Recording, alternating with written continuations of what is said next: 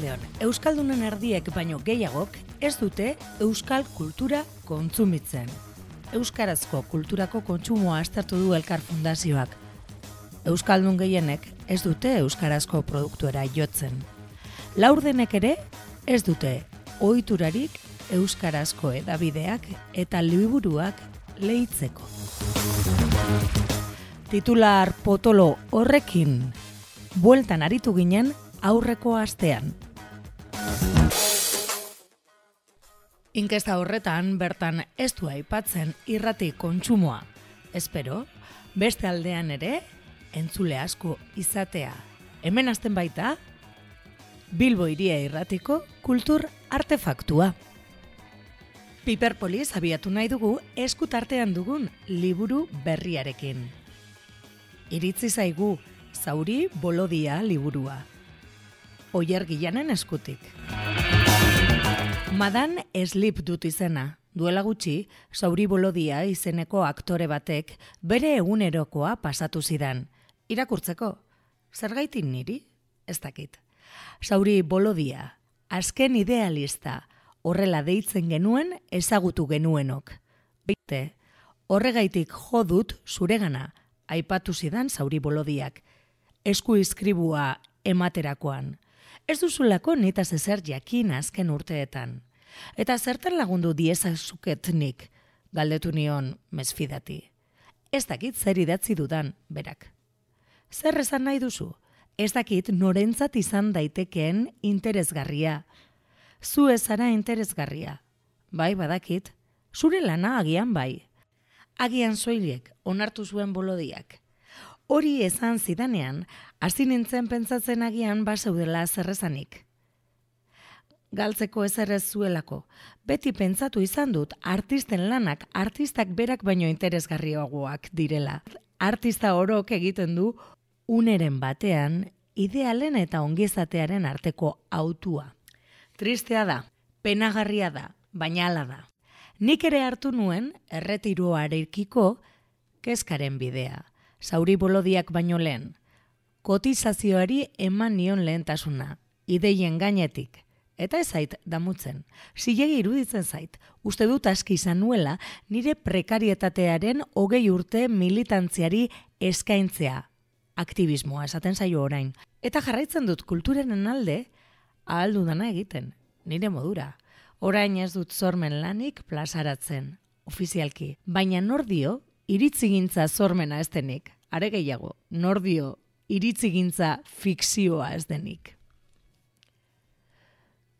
Horrela abiatzen da zauri bolodia, oier gilanek argitaratu berri duen liburu berrian.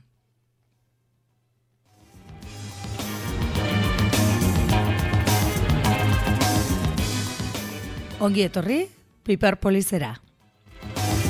Arratzalde honen zule, hause piperpolis duzue, Bilbo iria irratiko kultur artefaktua. Liburua eskuan abiatu dugu zaioa, baina gaurkoan antzarkia izango dugu nagusi. Mami Lebrun antzeslanaz jardungo dugu. Horretarako, kepa errasti, aktorea batuko zaigu gure zaio honetara. Donostia antzarkizaria jaso berri dute. Xake konpainiaren lehenengo antzeslana izan da Mami Lebrun eta datorren astean berriro ere oholtzaratuko dute. Teatroaz mintzatuko gara, martxuaren hogeta zazpiate jokadugun honetan.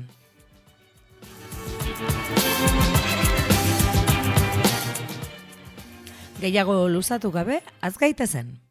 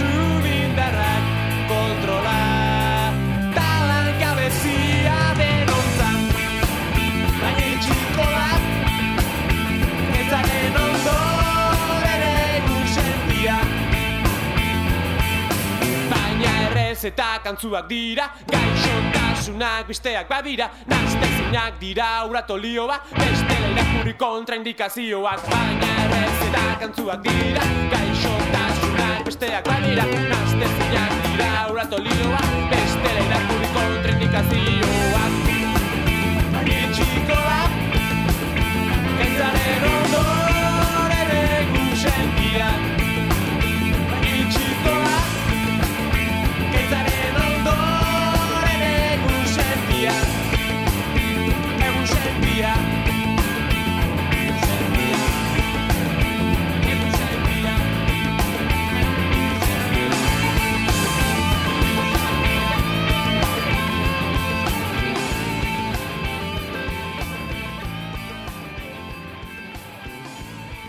Gaurko piperpulez, deabruak teiatuetan taldearen musikarekin abiatu dugu. Atzera begira jarrai gara, gustatzen zaigu lantzean behin horrelakoa egitea. Deabruak teiatuetan, egun santiaren zain izan da entzun berri dugun kantua. Deabruak guarda eh, diskoan, eh, bueno, disko ura zabaltzen zuen kantua, kantua zen. Mila behatzireun da laro eta maikan abezi bere ibilbidea, deabruak teiatuetan, Eta 2000 eta amarrean bukatu naiz eta hor tartean etenaldi luzea izan zen. Ondoren, ba, 2000 eta zazpian bueltatu, buelta egin, diskoa grabatu berriro ere, mila da iruro eta mairu deituriko disko ura, kontzertuak eman, eta berriro izilpea, izilpera lotara. Tira, atzera begira jarri eta laro eta mazazpira joan gara egun sentiaren zain deabrueak teiatuetan.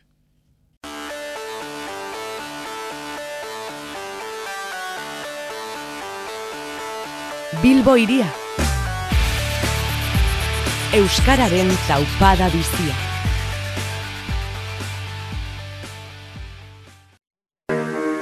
Ala eta berdurako alemanak ziren, irixen jauna jabe. Kalera urten nintzen, erreko batzuk egin eta orduan txikusen nagoen anuntzi duen. Gu lafaieteko lokal txiki hartan. Kabare, lekon.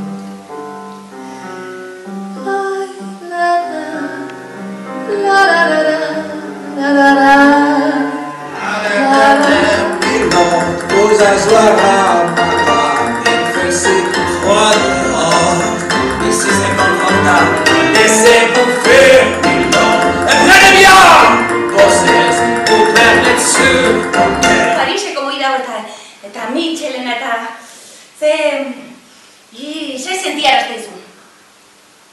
Ba, jode, ba, ba, arraro da zure amona, kabaret bateko kantanti izen zala jakikie. Ja. Eh?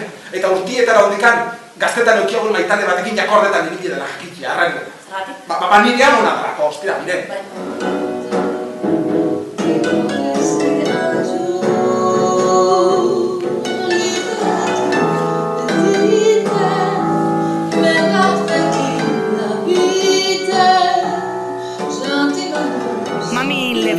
Antzeslanak irabazi du Donostia antzerki saria. Sake produkzioa konpaineren lehen obra izan da eta martxoaren hogeta zazpian Antzerkiaren nazioarteko egunean ba berriro eskaineko dute Donostiako Victoria Eugenia Antzokian.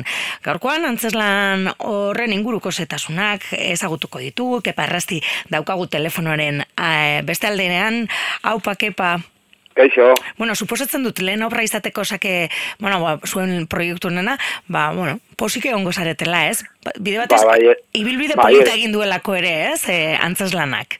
bai, bai, egiz esan, estrenatu gauen e, 2008ko maiatzaren zeian, eta jo, ba, ordutik emanaldi desiente ditugu, eta gero bukaeran bultzadatxo jasotzia oso gauza politxa izan da, egiz esan. Bai, oso politxa. Bueno, e, uste zenuten e, hasi zinetenean, onarte iritziko zinetela, ze gaur egun, ez da izaten erreza, ez, kepa? Ke ba, ez, gua zigitzen oso, oso xume, bueno, e, apur bat, gutxinaka gutxinaka juntzan aurrera proiektuan, nik eskatu nagoen aurreneko e, testo idazteko diru laguntza, jaso inauen, orduan testua idatzi eta behin idatzikia esan jo, zatik ez dugu hau montatzen eta, eta zatik ez dugu probatzen berriz diru laguntzak eskatzera proia produkziorako, oza, Mhm. montatu aldizateko, eta dana pata bestian ondoren juntzan, eta egia esan kriston segolako suerti auki dau, eta, eta oso ondo funtzionatu dau, eta oso posi gauz. Mhm. Bueno, eh, kokatu dezagun entzulea, getari etzegaraik zuzendu du obra, Hori da. eh, zuk idatzitako gidoia da, eta to- aktore Mhm. lanak ere egiten dituzu, eta zurekin oholtzan ere, ane pikaza eta inara ortega ere eh, daude, eta gero zuzendari laguntzaile Xabier Ormanzabal aritu da. Eh, ez, gutxi gora bera, hau da, Bai, lantaldea. hori da. bai, eta gero tekniko bezala beti gustatzen jatze, normalian bo, e, zeiro juten gara, David Mhm. Alkorta.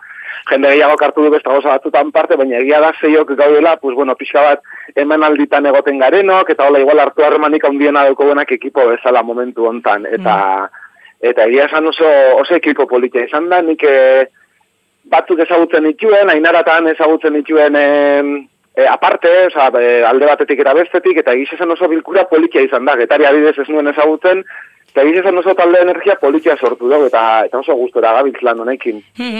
Eh, kontatu dezagun historia, oraindik ere entzuleak izango du aukera, ez? Mami Lebrun ikusteko, ze agian honek aipatu duzun bezala bultzadatzua eman eta emanaldi gehiago ekarriko ditu, agian. Bai, badabiltza hor, Bai. ondikan igual ezin ditugu zehaztu, ze Mhm. barik daz, baina interesa azaldu dau leku, azaldu dau leku batzutan. Eta, bueno, e, Mami Lebrunen kontatzen dena azkenian, e, aurkezten die bikote bat, miren eta egoitz, egoitzen amona hilberriari omenaldi bat aurkez, e, prestatzen. Eta, bueno, omenaldi hortan kontatuko dauie, e, egoitzek eta bere familiak amona hil eta gero jakin dauen zerbait amonaren Mhm. inguruan. Eta izan da, amona gaztetan neskame bezala Parisen egontzala, hori da zekiten familiakoek ez egiten azan, epe aldi hortan garai baten, kabaret baten abeslari moduan ibilizala, Mhm. eta bueno, pues horre historia batzuk bizi izan zituela, eta orduan, hain harrituta gelditzen die eh, historia berri horrekin, ba, egoitzek erabakitzen dagoela minerekin batera amonari, amonari egindako omenaldian, pixka bat historia hori kontatzea. Mhm. Eta pixka bat hori da, hori da, hola, grosso modo, Bai. dana. Baina narratzeko eran bai dago flashbacka atzera eta e, bueno, eta gaur egunera buelta, ez? Eta bai, bai, bai, ez Pariseko- flashback deituko nioken, Bueno. baina bai, bai dago, bai daude atzera bueltak. Az, azkenean da, e, denbora guztien zabiltza ikusten, nola ari diren omenaldi hori prestatzen. Mm. omenaldian kontatzen dan, ez garai hartako historia hura, ba, ba bai, oza, bueno, da, atzera buelta, oza, atzera begiratu bat bezala, ez? Azkenean aitzaki bat zan, e, eriotzari buruz hitz egiteko obra honekin. E, kontua da, egoitzen amona hilberria dela, eta egoitzi uste duena baino gehiago ikutu diela amonaren Mhm. eriotzak. Orduan, ba, horren bueltan, ba, ba pixka bat gogoetan, nola gogoratu hildako bat, ze garrantzitsuan behar bezala agurtzea, ze e, askotan baita gure familiako erreferente dian jende batek nola bizitza bat izan duen ezagu, bueno, ezagutzen ez duguna edo pertsona bat izan da, nola izaera bat izan duen, eta askotan zenbat kostatzen zaigun hori onartzia edo, Mhm. edo horretaz jabetzia, ez? Gero baita ere memoria lana, ez? Askotan gure e, bueno, ai, amonen inguruan ba zema gauza ez daki guzkigun, ez? Eta ze zema gauza, bueno, ba egoeran gaitik, ez? Isildu behar izan diren edo, ez? Bai, hori da, hori da, igual askotan ez dien kontatzen, ez, familia askotan esaten da, zertarako, zertarako, bu, bueno, ba, pues igual interes badagoelako, eta pertsona hori ezagutzeko gogo eukiko neukelako, eta guzteko jakolak, guzteko jatelako imaginatzean, nire amona hogeita hiru urtekin, nolakoa zan, zer, hogeita hiru urte ere eukiko zituen amonak. eta, bai, pixo bat hori memoria lan bat. E, bestetik ere, e, bueno, ba, gero antzarkirako elementu politak ere baditu, ez? Kabaretaren e, historia, ez? Pariseko giro hori, ez? Horre, e, eramaten gaituzu ere, ikuslea hortara, e, musikak ere garrantzi handia du, ez? E, ainarak e, eramaten gaitu ere, ez? Atmosfera horretara. Bai, e, aspaldi nokan atmosfera hortan lan egiteko gogua, eta, bueno, pues, e, e, gire jau sortzen hasi nintzenean, okurru jaten historia hau oso erraz kokatu altzala atmosfera hortan. Orduan, e, ainara ezagututa, eta aktore bikaini izateaz gaina, parte batez ere, bizton abeslari harra danez, ba, iruditza jaten oso, oso pieza fundamentala izango ditzakela historia hontan, batez ere girotze hori eiteko, eta, eta bestiren bat edo beste zuzenian kantatzeko, gero historian bertan e, garai hartako abesti konkretu batek bai dauka pixu handia, Mhm. Yukali izeneko abestiak, eta bueno, ba, elementu asko zian, ba, bueno, bat obra borobiltzen abienak, nire ustez, eta eta plazerra izan da inarakin Mhm. kontatzea gisa izan. Bai, ez, e, zure e, gidoia izan da, baina gero, e, bueno, ba, ez dakit gero borobildu zuen e, ane pikazarekin batera, inara, eta, bueno, Ba, eta getarik berak, Bai. eta xabik ere, bai, azkenen ensaiotan hasi ginean, klaro, nik sekula antzerkirikola idatzi gabe neukan utxetik, hola, zerbait Mhm. sortu. Ordan nik hasieran, bueno, ba, obra hau sortu nuen, nik benetan amona hil eta gero bizitako emozio batetik abiatuta. Mhm. Eta, eta nik esan atera zitzaidan nahiko historio tristea hasiera baten. Idatzi nuen lehengo berzio hortan, Mhm. eta, baina, bueno, bazeuzkan elementu asko, eh, ja, gaur egun mamile brundana zeuk- dauzkanak. Baina, bueno, lehengo ensaiotan hasi ginen irakurtzen eta ala, eta batez ere getarik zuzendariak esaten zuen, jo, ba, igual honi buelta bat eman behar zaio, humore pixo bat sartu, elementu berri den bat, eta, bueno, gero, egia oso polita izan zen, kriston ez da pila izan ondoren, e, bueno, ba, pixat berri datze egin nuen gidoia, edo elementu batzuk berri datzen dituen, Mhm. eta horri eskerrak nik uste dut hartu zuela beste, beste brillo bat, edo beste buelta bat egia esan.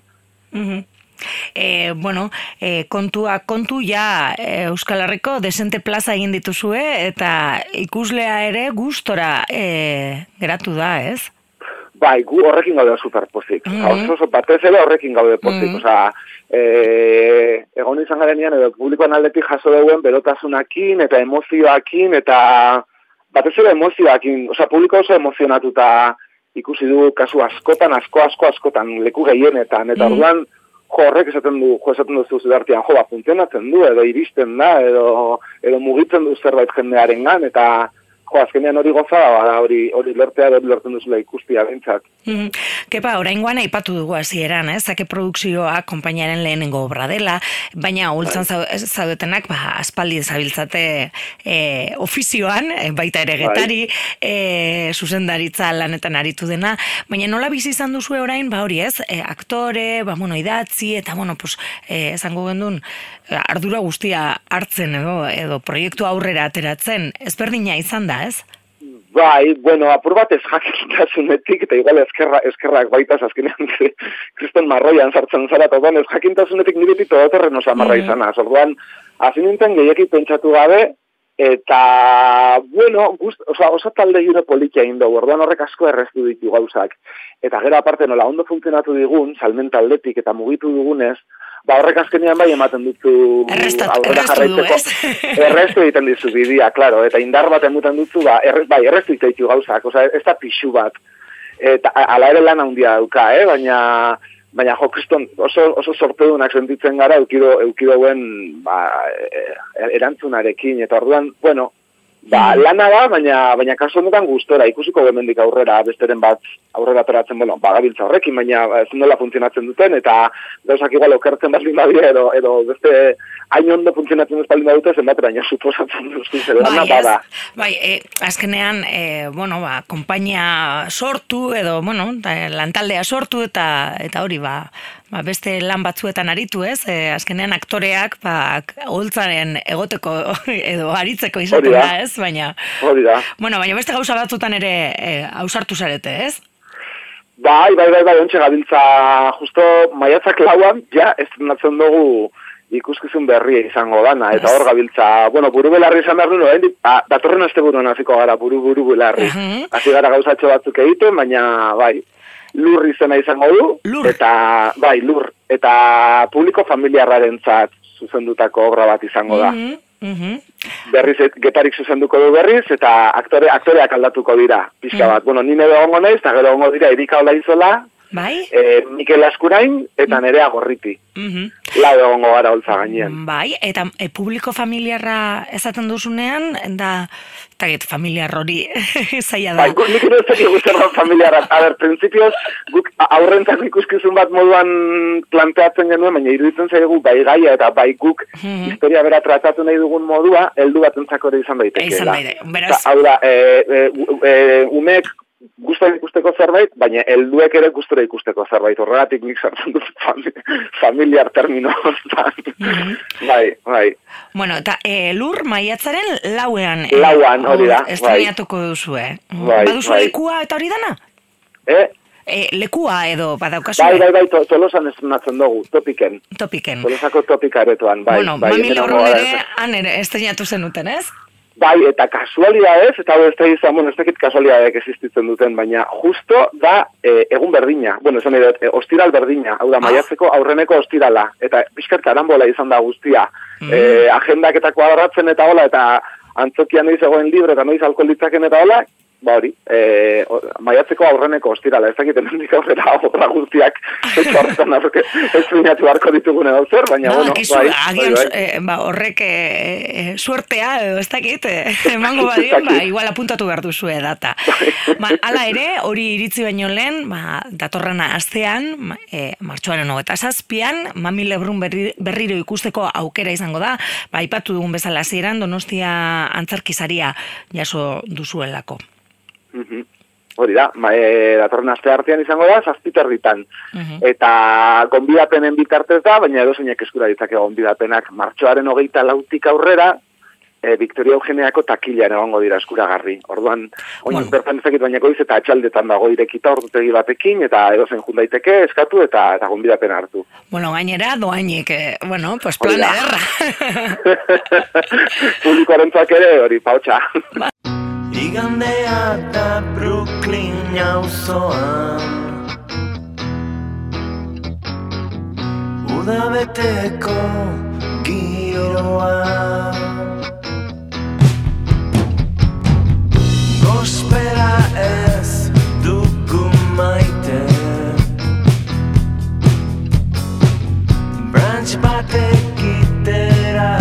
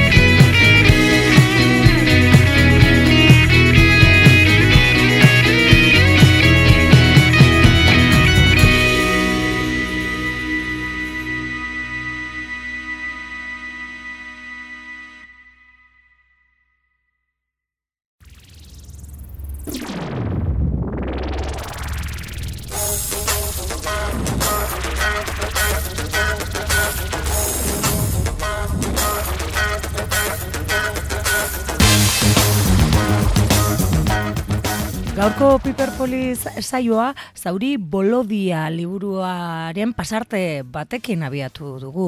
Iritzi berri zaigu, oier gilanen lan berria txalapartearen eskutik datorrena. Oste, astelenean bertan, aurkeztu zuten donostrian prentzaurrean.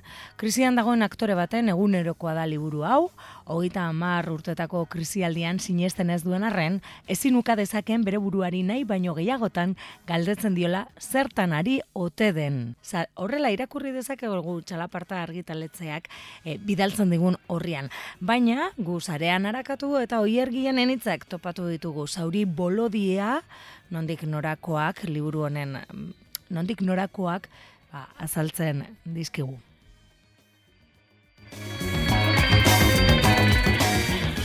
Liburu hau masaje sesio bada. Zauri bolodia pertsonaia dago etzanda, bere minekin, eta nik, e, idazle masajista gisa, mina dagoen lekuan e, atzak sartu ditut. Mina desagertzen hasi den arte. Hori da, niri masajaren iruditu, iruditik gustatzen zaidan zerbait, ez? Mina eragiten dezula nola bait, baina justo mina kentzeko. Eta hori da nik sentitu dena liburu honekin. Baino eraberean, kanpotik. Masajista paperean sentituenez gehiago, personajearen paperean baino, ez? Antzerkian gabiltzanok, sarritan hiru plano ezberdintzen ditugu, besteak beste ez erotzeko e, gehiegi, edo gehiago gure burua, eta hiru plano horiek esaten dira pertsonaia, aktorea eta pertsona. Nolabaiteko elkar bizitza bat ematen da gure gorputzetan hiru hoien artean, ezta?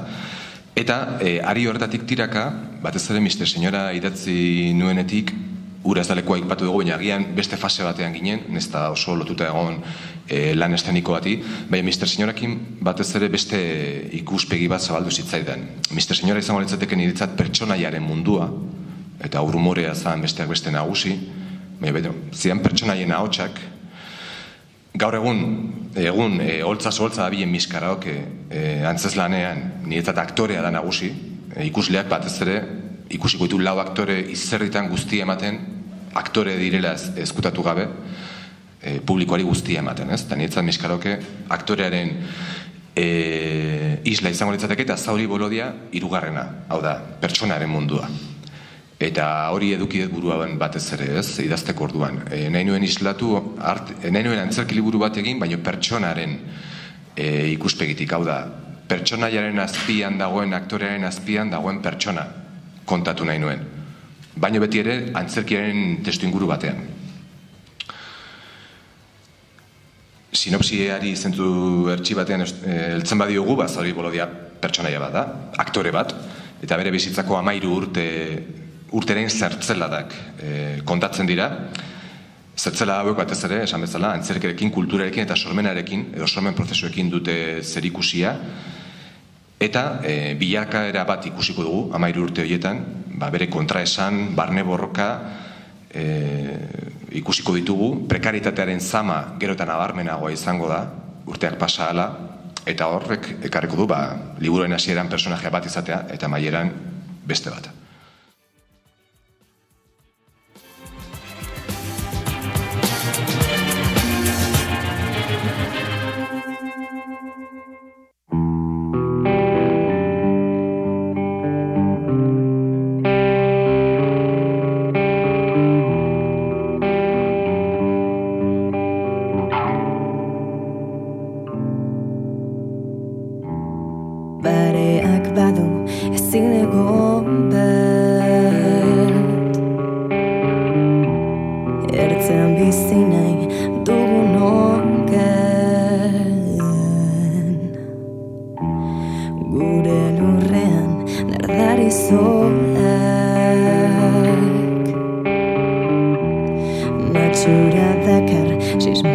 for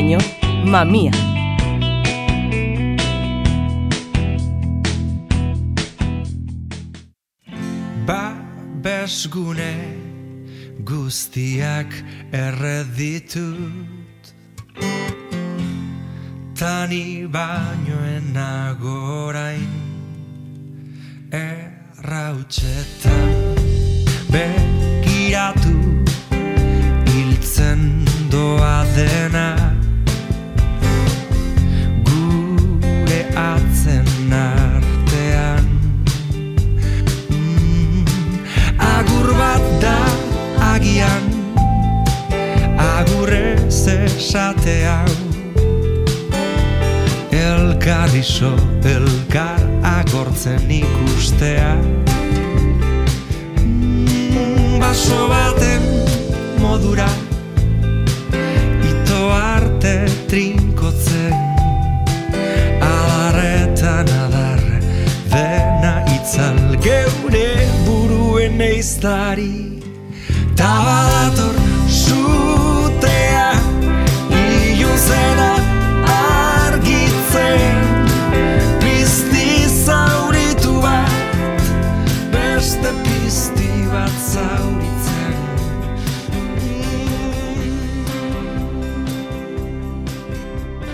Izen hori hartu neban John Benitoren poema batetik. E, aingurak erreketan poematik. Eta horrek e, akordanaz, orain dela urte batzuk irakurri nuela poema hori eta esan neban. Poema hau musikatu egin behar dut. Eta bueno, hau izan da momentua. Eta ez bakarrik poema musikatzearena, baizik eta gainera, bueno, ba, poema horretan oinarrituta diskoaren izena ere jarri diot. Em, Zergaitik aingurak, bueno, ba, berak aipatu bezala, ezta? E, aingurak badauka, e, berak simbolismo bezala, ba, ni- niretzako ez, indarra dauka, pisua dauka, eta nik uste diskonek badaukala hortik. E, bada disko bat, daukana, bai melodiatan, bai instrumentazioan, edo e, hitzetan, badauka pisua, badauka indarra. Egia da ere, ez dela gustatzen egitea, ba, tristesiaren apologia, ba, e, apologia, ezta? Eta horregaitik, ba, bueno, e, saiatu naiz ere orekatzen, pisu eta indar hori orekatzen. Eta horren adibide garbia da piztia zaurituak abestia. Testoen aldetik inigo astizen berbak direz, bueno, ba, testo potenteak dira, baina, e, bueno, ba, nik erritmo poperoago batekin, bueno, ba, egin dudana da apurtxo bat arindu hori. Eta hori egin dut bai diskoan beste abesti batzuekin. Badaude ere oso abesti pisutsuak, bai erritmo aldetik, bai hitz aldetik, adibidez, aingura bera, e, abestia, edo norrari da, edo beste, edo oi bihotz, badaude beste beste abesti batzuk. Baina esan dakoa, hori bai dala gauza bat naita egiten dudala, e, orekatu disko bat, bai, eta e, bai nahi nuen, ez, e, e, ez nuen nahi izatea diskoa oso iluna, ilunegia edo pisutsuegia, eta hortik, bueno, ba, zera, ez da, e, horrelako erritmo harinagoak batzuetan.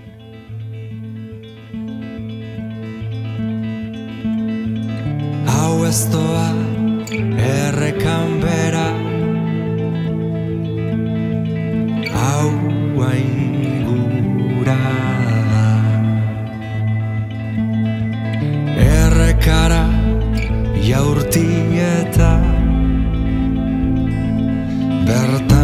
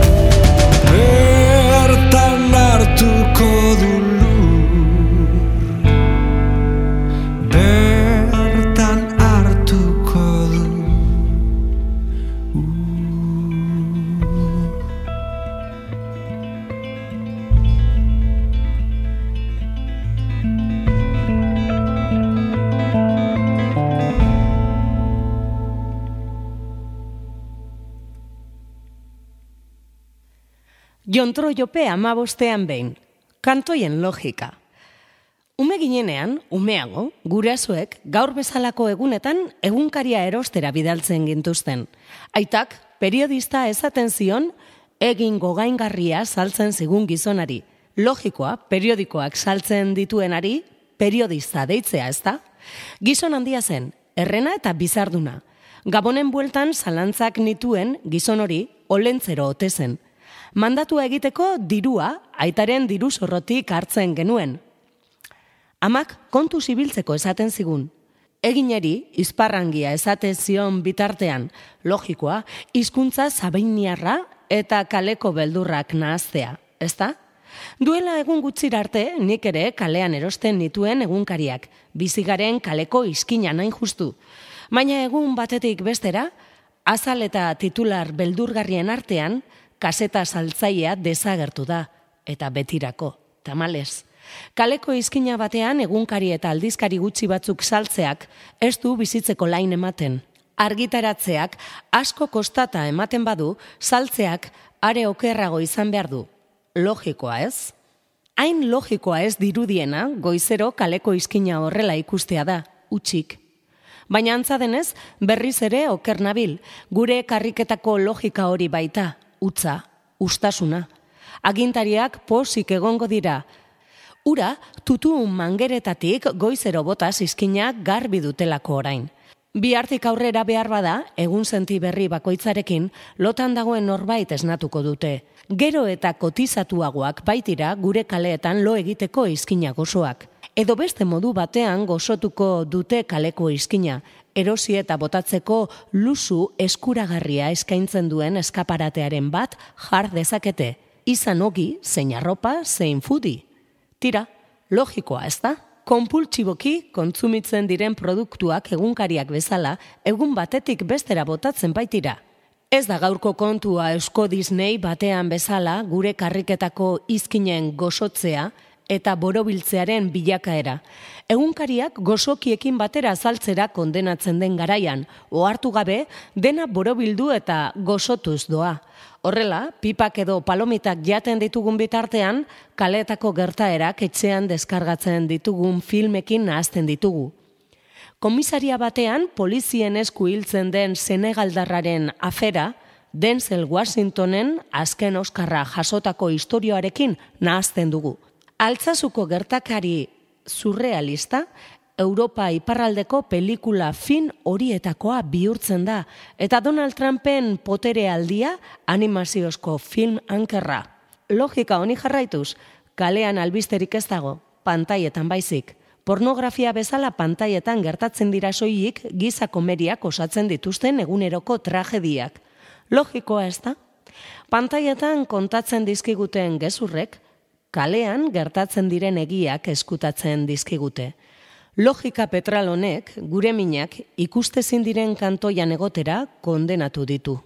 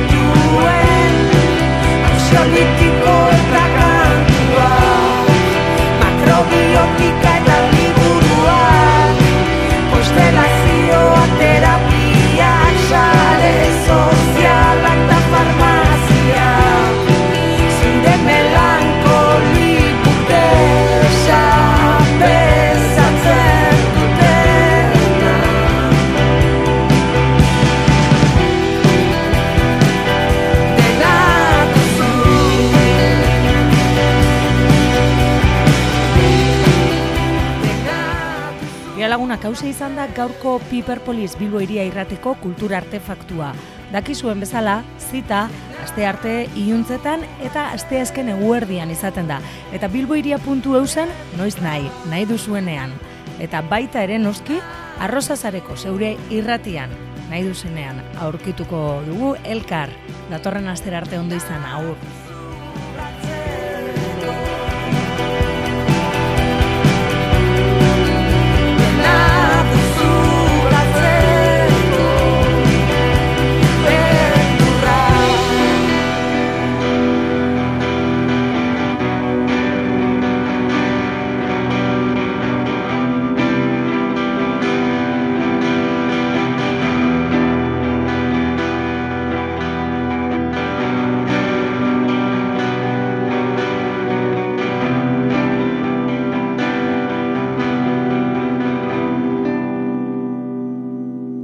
Antzerki bat da, bai?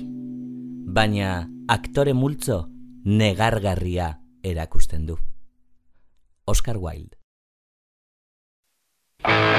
Bilbo irian, auzoak, erdigunean,